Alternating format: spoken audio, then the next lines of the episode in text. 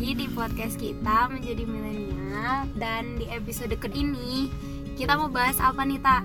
Nah, sekarang gitu kita bakal bahas tentang antara media, ilusi, dan literasi. Nah, kenapa bahas ini? Karena sekarang di era informasi bebas ini banyak sekali media-media yang menyebar bisa dibilang menyebarkan hoax. Nah, di situ kenapa kita ngambil Oh, jadi ilusi tuh hoax Ya. ceritanya. Oh, kakak. Jadi maksudnya ilusi di sini itu tentang informasi-informasi yang nggak jelas kebenarannya itu kayak gimana gitu. Iya.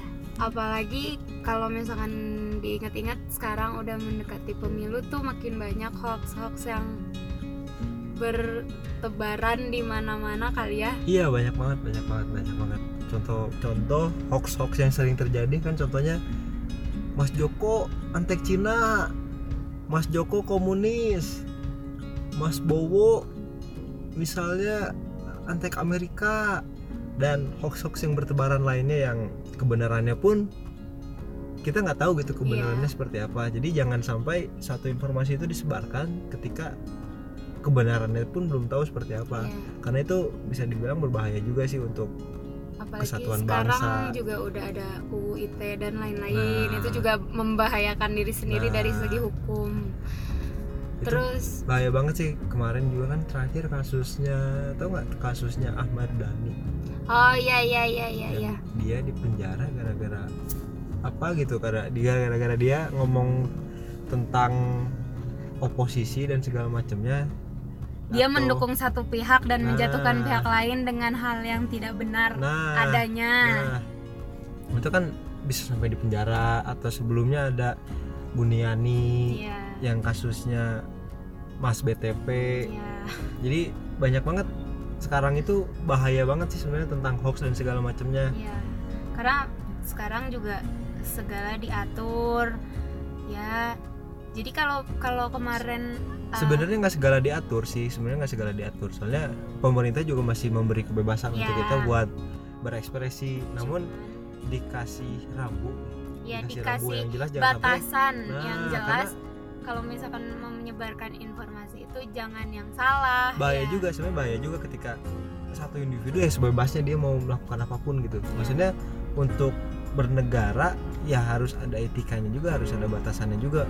Bukannya maksudnya membatasi tapi ini ada aturan yang jelas gitu. Karena- Maksudnya, ya kalau dipikir-pikir siapa sih yang mau namanya dicemarkan gitu? Nah. Karena kalau misalkan dengan hoax itu kan pasti ada salah satu pihak atau ada salah satu yang akan dicemarkan nama baiknya Nah, gitu. itu sih. Jadi untuk saling melindungi Iya. sih.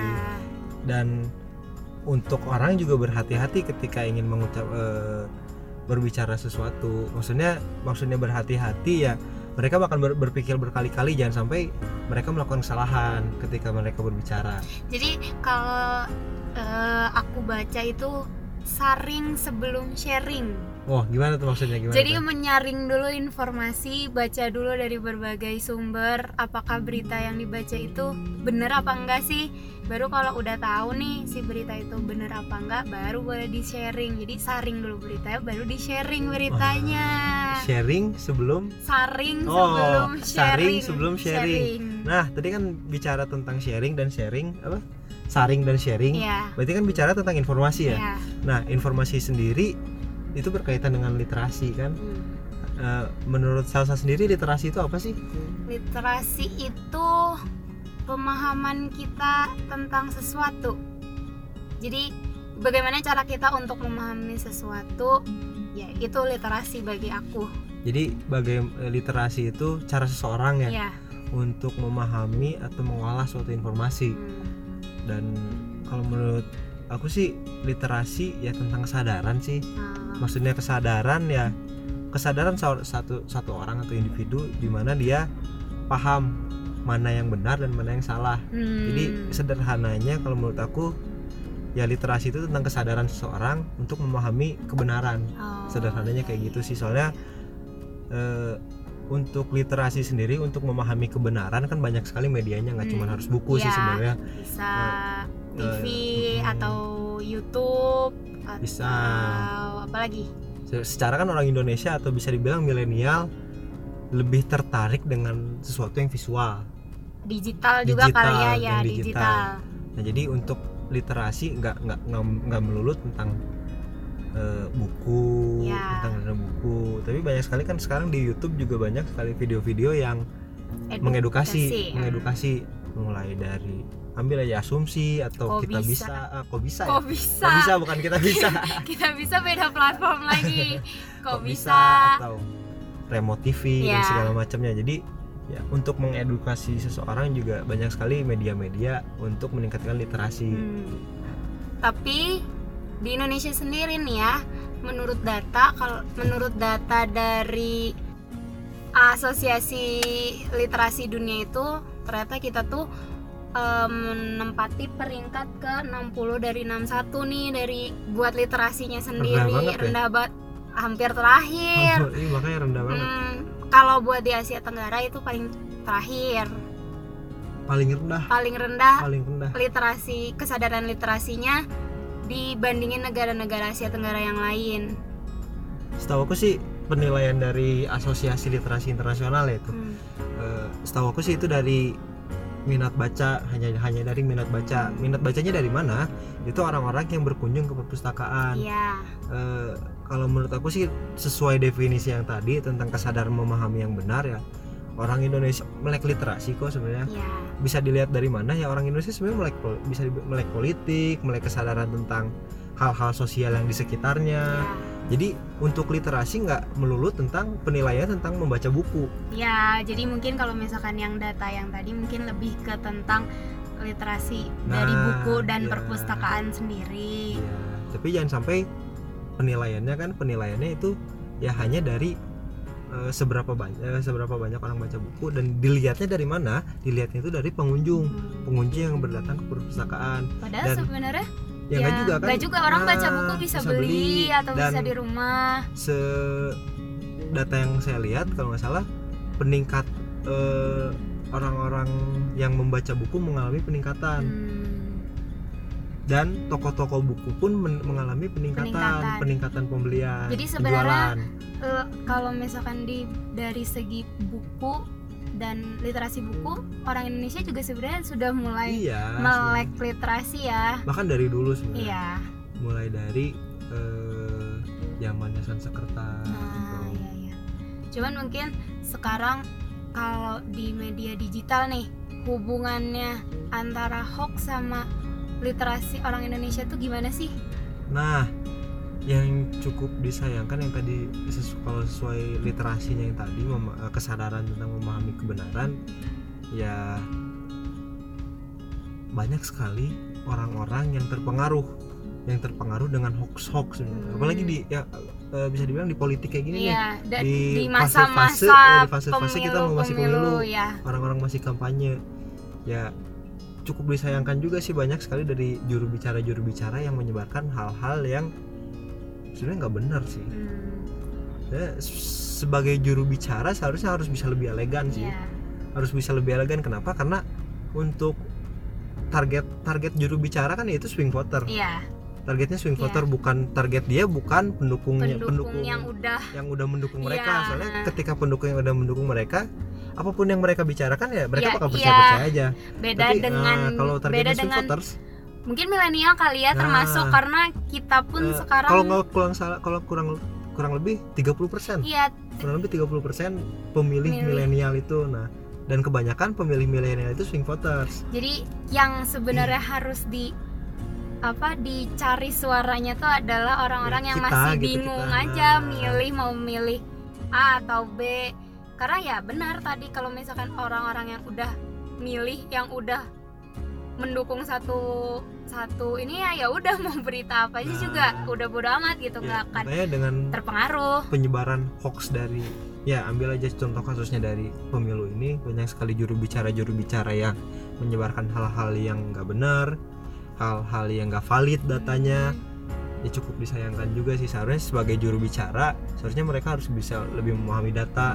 Seharusnya mereka lebih bisa mengedukasi ya eh, pemilih pemilihnya. tentang kelebihan kelebihan dari si calonnya calon. Entah tentang ide dia untuk lima tahun ke depan bagaimana atau permasalahan-permasalahan yang ada seperti apa dengan data yang benar dan yang valid. Dan eh, tujuan-tujuannya tuh dikasih rambu yang jelas Iya. jadi mau ke mana jangan sampai cuman sebagai juru bicara menakut-nakuti iya menakut-nakuti kita sebagai pemilih hal-hal yang sebenarnya nggak benar gitu Tapi- ngapain juga menakut apa mem- mempengaruhi orang Iya. dengan mentakut-takuti sebenarnya bisa dibilang ya warga Indonesia juga udah cerdas Iya. sih dengan kita udah tahu bisa Nah. ngebedain yang mana yang benar dan mana yang salah sebenarnya Nah, tapi juga sebenarnya eh, hoax ini juga maksudnya nggak melulu melulu tentang politik sih. Nah. maksudnya juga banyak hoax hoax tentang kesehatan lah tentang budaya atau kadang-kadang bahkan ekonomi mungkin ya? iya ekonomi. Fluktuasi. Iya yang kemarin sempat viral yang naik turun harga dolar, dolar eh rupiah rupiah. terhadap dolar. Itu kan juga sempat ada hoax yang pengaruhnya mungkin ya, atau kenapa. misalkan hoax BBM nah. Itu juga jadi jadi sebenarnya hoax tuh nggak melulu tentang pemilu bisa tentang semua hal. Jadi bagaimana kita menyaring itu tadi ya menyaring bagaimana kita memahami apakah si berita itu tuh benar apa enggak gitu. Jangan sampai yang paling riskan itu kita sebagai milenial kita sebagai anak muda jangan sampai kita tuh menelan informasi secara bulat-bulat. Ya jangan sampai kita menelan informasi ketika ada suatu informasi baru kita langsung percaya dengan Iya. informasi tersebut. Seharusnya kita bisa lihat dari dua sudut pandang informasi ya. Iya. sebaiknya sih kayak gitu. Hmm, jadi kita jangan jangan langsung men- ya menelan bulat-bulat si informasi itu. Kita harus lihat dari sisi mana pun dari informasi itu apakah benar atau enggak. Karena sebenarnya mungkin satu berita tuh nggak semua salah gitu ya kayak dalam satu berita tuh mungkin ada salahnya ada benernya gitu Jadi bicara tentang literasi juga sebenarnya pemerintah juga ikut andil sih. Oh, Banyak, sekali, banyak, banyak sekali sekarang kan. karena mungkin karena data yang tadi itu loh jadi Iya. pemerintah sekarang lebih fokus meningkatkan Ah, literasi lebih masyarakat ya. fokus untuk berusaha meningkatkan literasi masyarakat contoh kalau di Bandung deh Ada ini ya kalau nggak salah ada kotak literasi. iya jadi kotak kita literasi itu kayak gimana sih? jadi kita bisa baca buku atau kita bisa baca informasi tuh bisa dari mana aja jadi kotaknya tuh ada di mana aja gitu Oke ya kalau nggak salah kayak di pinggir jalan atau Iya. di alun-alun kota Hmm. atau di taman kota iya itu ada kotak literasi dalamnya mungkin buku-buku ya. Mm-mm. Jadi orang-orang itu bisa baca atau mencari informasi ya bisa di mana Iya. bisa udah disediakan gitu Terus- tempatnya oleh sama pemerintah. Terus sekarang juga kayak ada e-library dari Perpustakaan Nasional yang Oh, kita, kita bisa online juga ya? Iya, kita bisa kita bisa daftar online gitu-gitu. Jadi emang mungkin karena digitalisasi juga lebih dipermudah dengan adanya e-library itu. Jadi untuk fokus pemerintah meningkatkan literasi nasional. Bicara tentang literasi dan media, seharusnya media sendiri ikut andil sih. Media sendiri ikut andil untuk meningkatkan Gimana literasi. tuh? Ikut andilnya tuh gimana? Oke, contoh kita ambil aja media narasi, narasi TV, narasi TV atau asumsi. Ambil aja narasi TV sekarang kan lagi kita lagi gencar-gencarnya Hmm. untuk membongkar kasus mafia bola di Indonesia. Oh, iya iya iya. Jadi si media itu punya andil bahkan Najwa Shihab bisa dibilang perannya vital untuk membongkar kasus mafia bola di Indonesia. Hmm. Jadi sebisa mungkin peran media itu eh, untuk meningkatkan kesadaran masyarakat itu tinggi. Jadi si peran media tuh vital banget gitu. Jadi emang Seharusnya peran me- membantu gitu peran Iya, media. karena- Media tuh membantu masyarakat untuk mencerdaskan Hmm, masyarakat. karena ya balik lagi karena masanya juga udah masa digitalisasi, Nah. masanya udah masa media media ya media visual, media audio atau bahkan Instagram dan lain-lain. Jadi Iya. mungkin emang harus lebih ditingkatkannya di Dan- situ. soalnya bahkan di bisa dibilang TV atau bahkan media di acara-acara TV yang kita lihat eh hanya memper- hanya mempertontonkan hanya hiburan-hiburan aja gitu bahkan Iya, hiburan-hiburannya juga nggak jelas padahal yang kita butuhin tuh sebenarnya edukasi Edukasi. yang kita butuhkan itu edukasi apa eh, informasi-informasi iya yang membuat kita semakin hari itu semakin tahu hal-hal yang baru gitu Hmm, iya, yang benar-benar. cuman isinya di dalam tuh hiburan-hiburan yang gak jelas atau cuman gosip atau segitu mungkin atau hiburan-hiburan yang kayak Hmm. kayak apa ya joget-joget yang gak Iya. jelas atau mukul Padahal- orang pakai styrofoam terus ketawa-ketawa padahal eh, nggak jelas banget kan kayak iya soalnya maksudnya padahal eh, orang Indonesia tuh sebenarnya udah sadar gitu bahwa kita tuh butuh kita butuh something. hiburan kita butuh, Kita butuh hiburan, tapi, tapi apa yang lebih kita butuhkan hal-hal informasi yang lebih mengedukasi Iya, something yang emang mencerdaskan sih Nah. sebenarnya memberikan hal baru gitu nah jadi sa inti dari obrolan kita itu apa sih? Jadi nih ya teman-teman semua kita tuh sebagai generasi milenial yang hidup di ya gena apa di Dunia- dunia. digital ini kita tuh harus bisa menggunakan media sebaik-baiknya eh, dan juga kita harus meningkatkan literasi kita supaya kita tuh nggak termakan dengan hoax-hoax yang gak benar eh, hoax-hoax yang kebenarannya juga nggak jelas gitu terus apalagi mungkin intinya kita juga harus tahu ya media-media mana yang kredibel.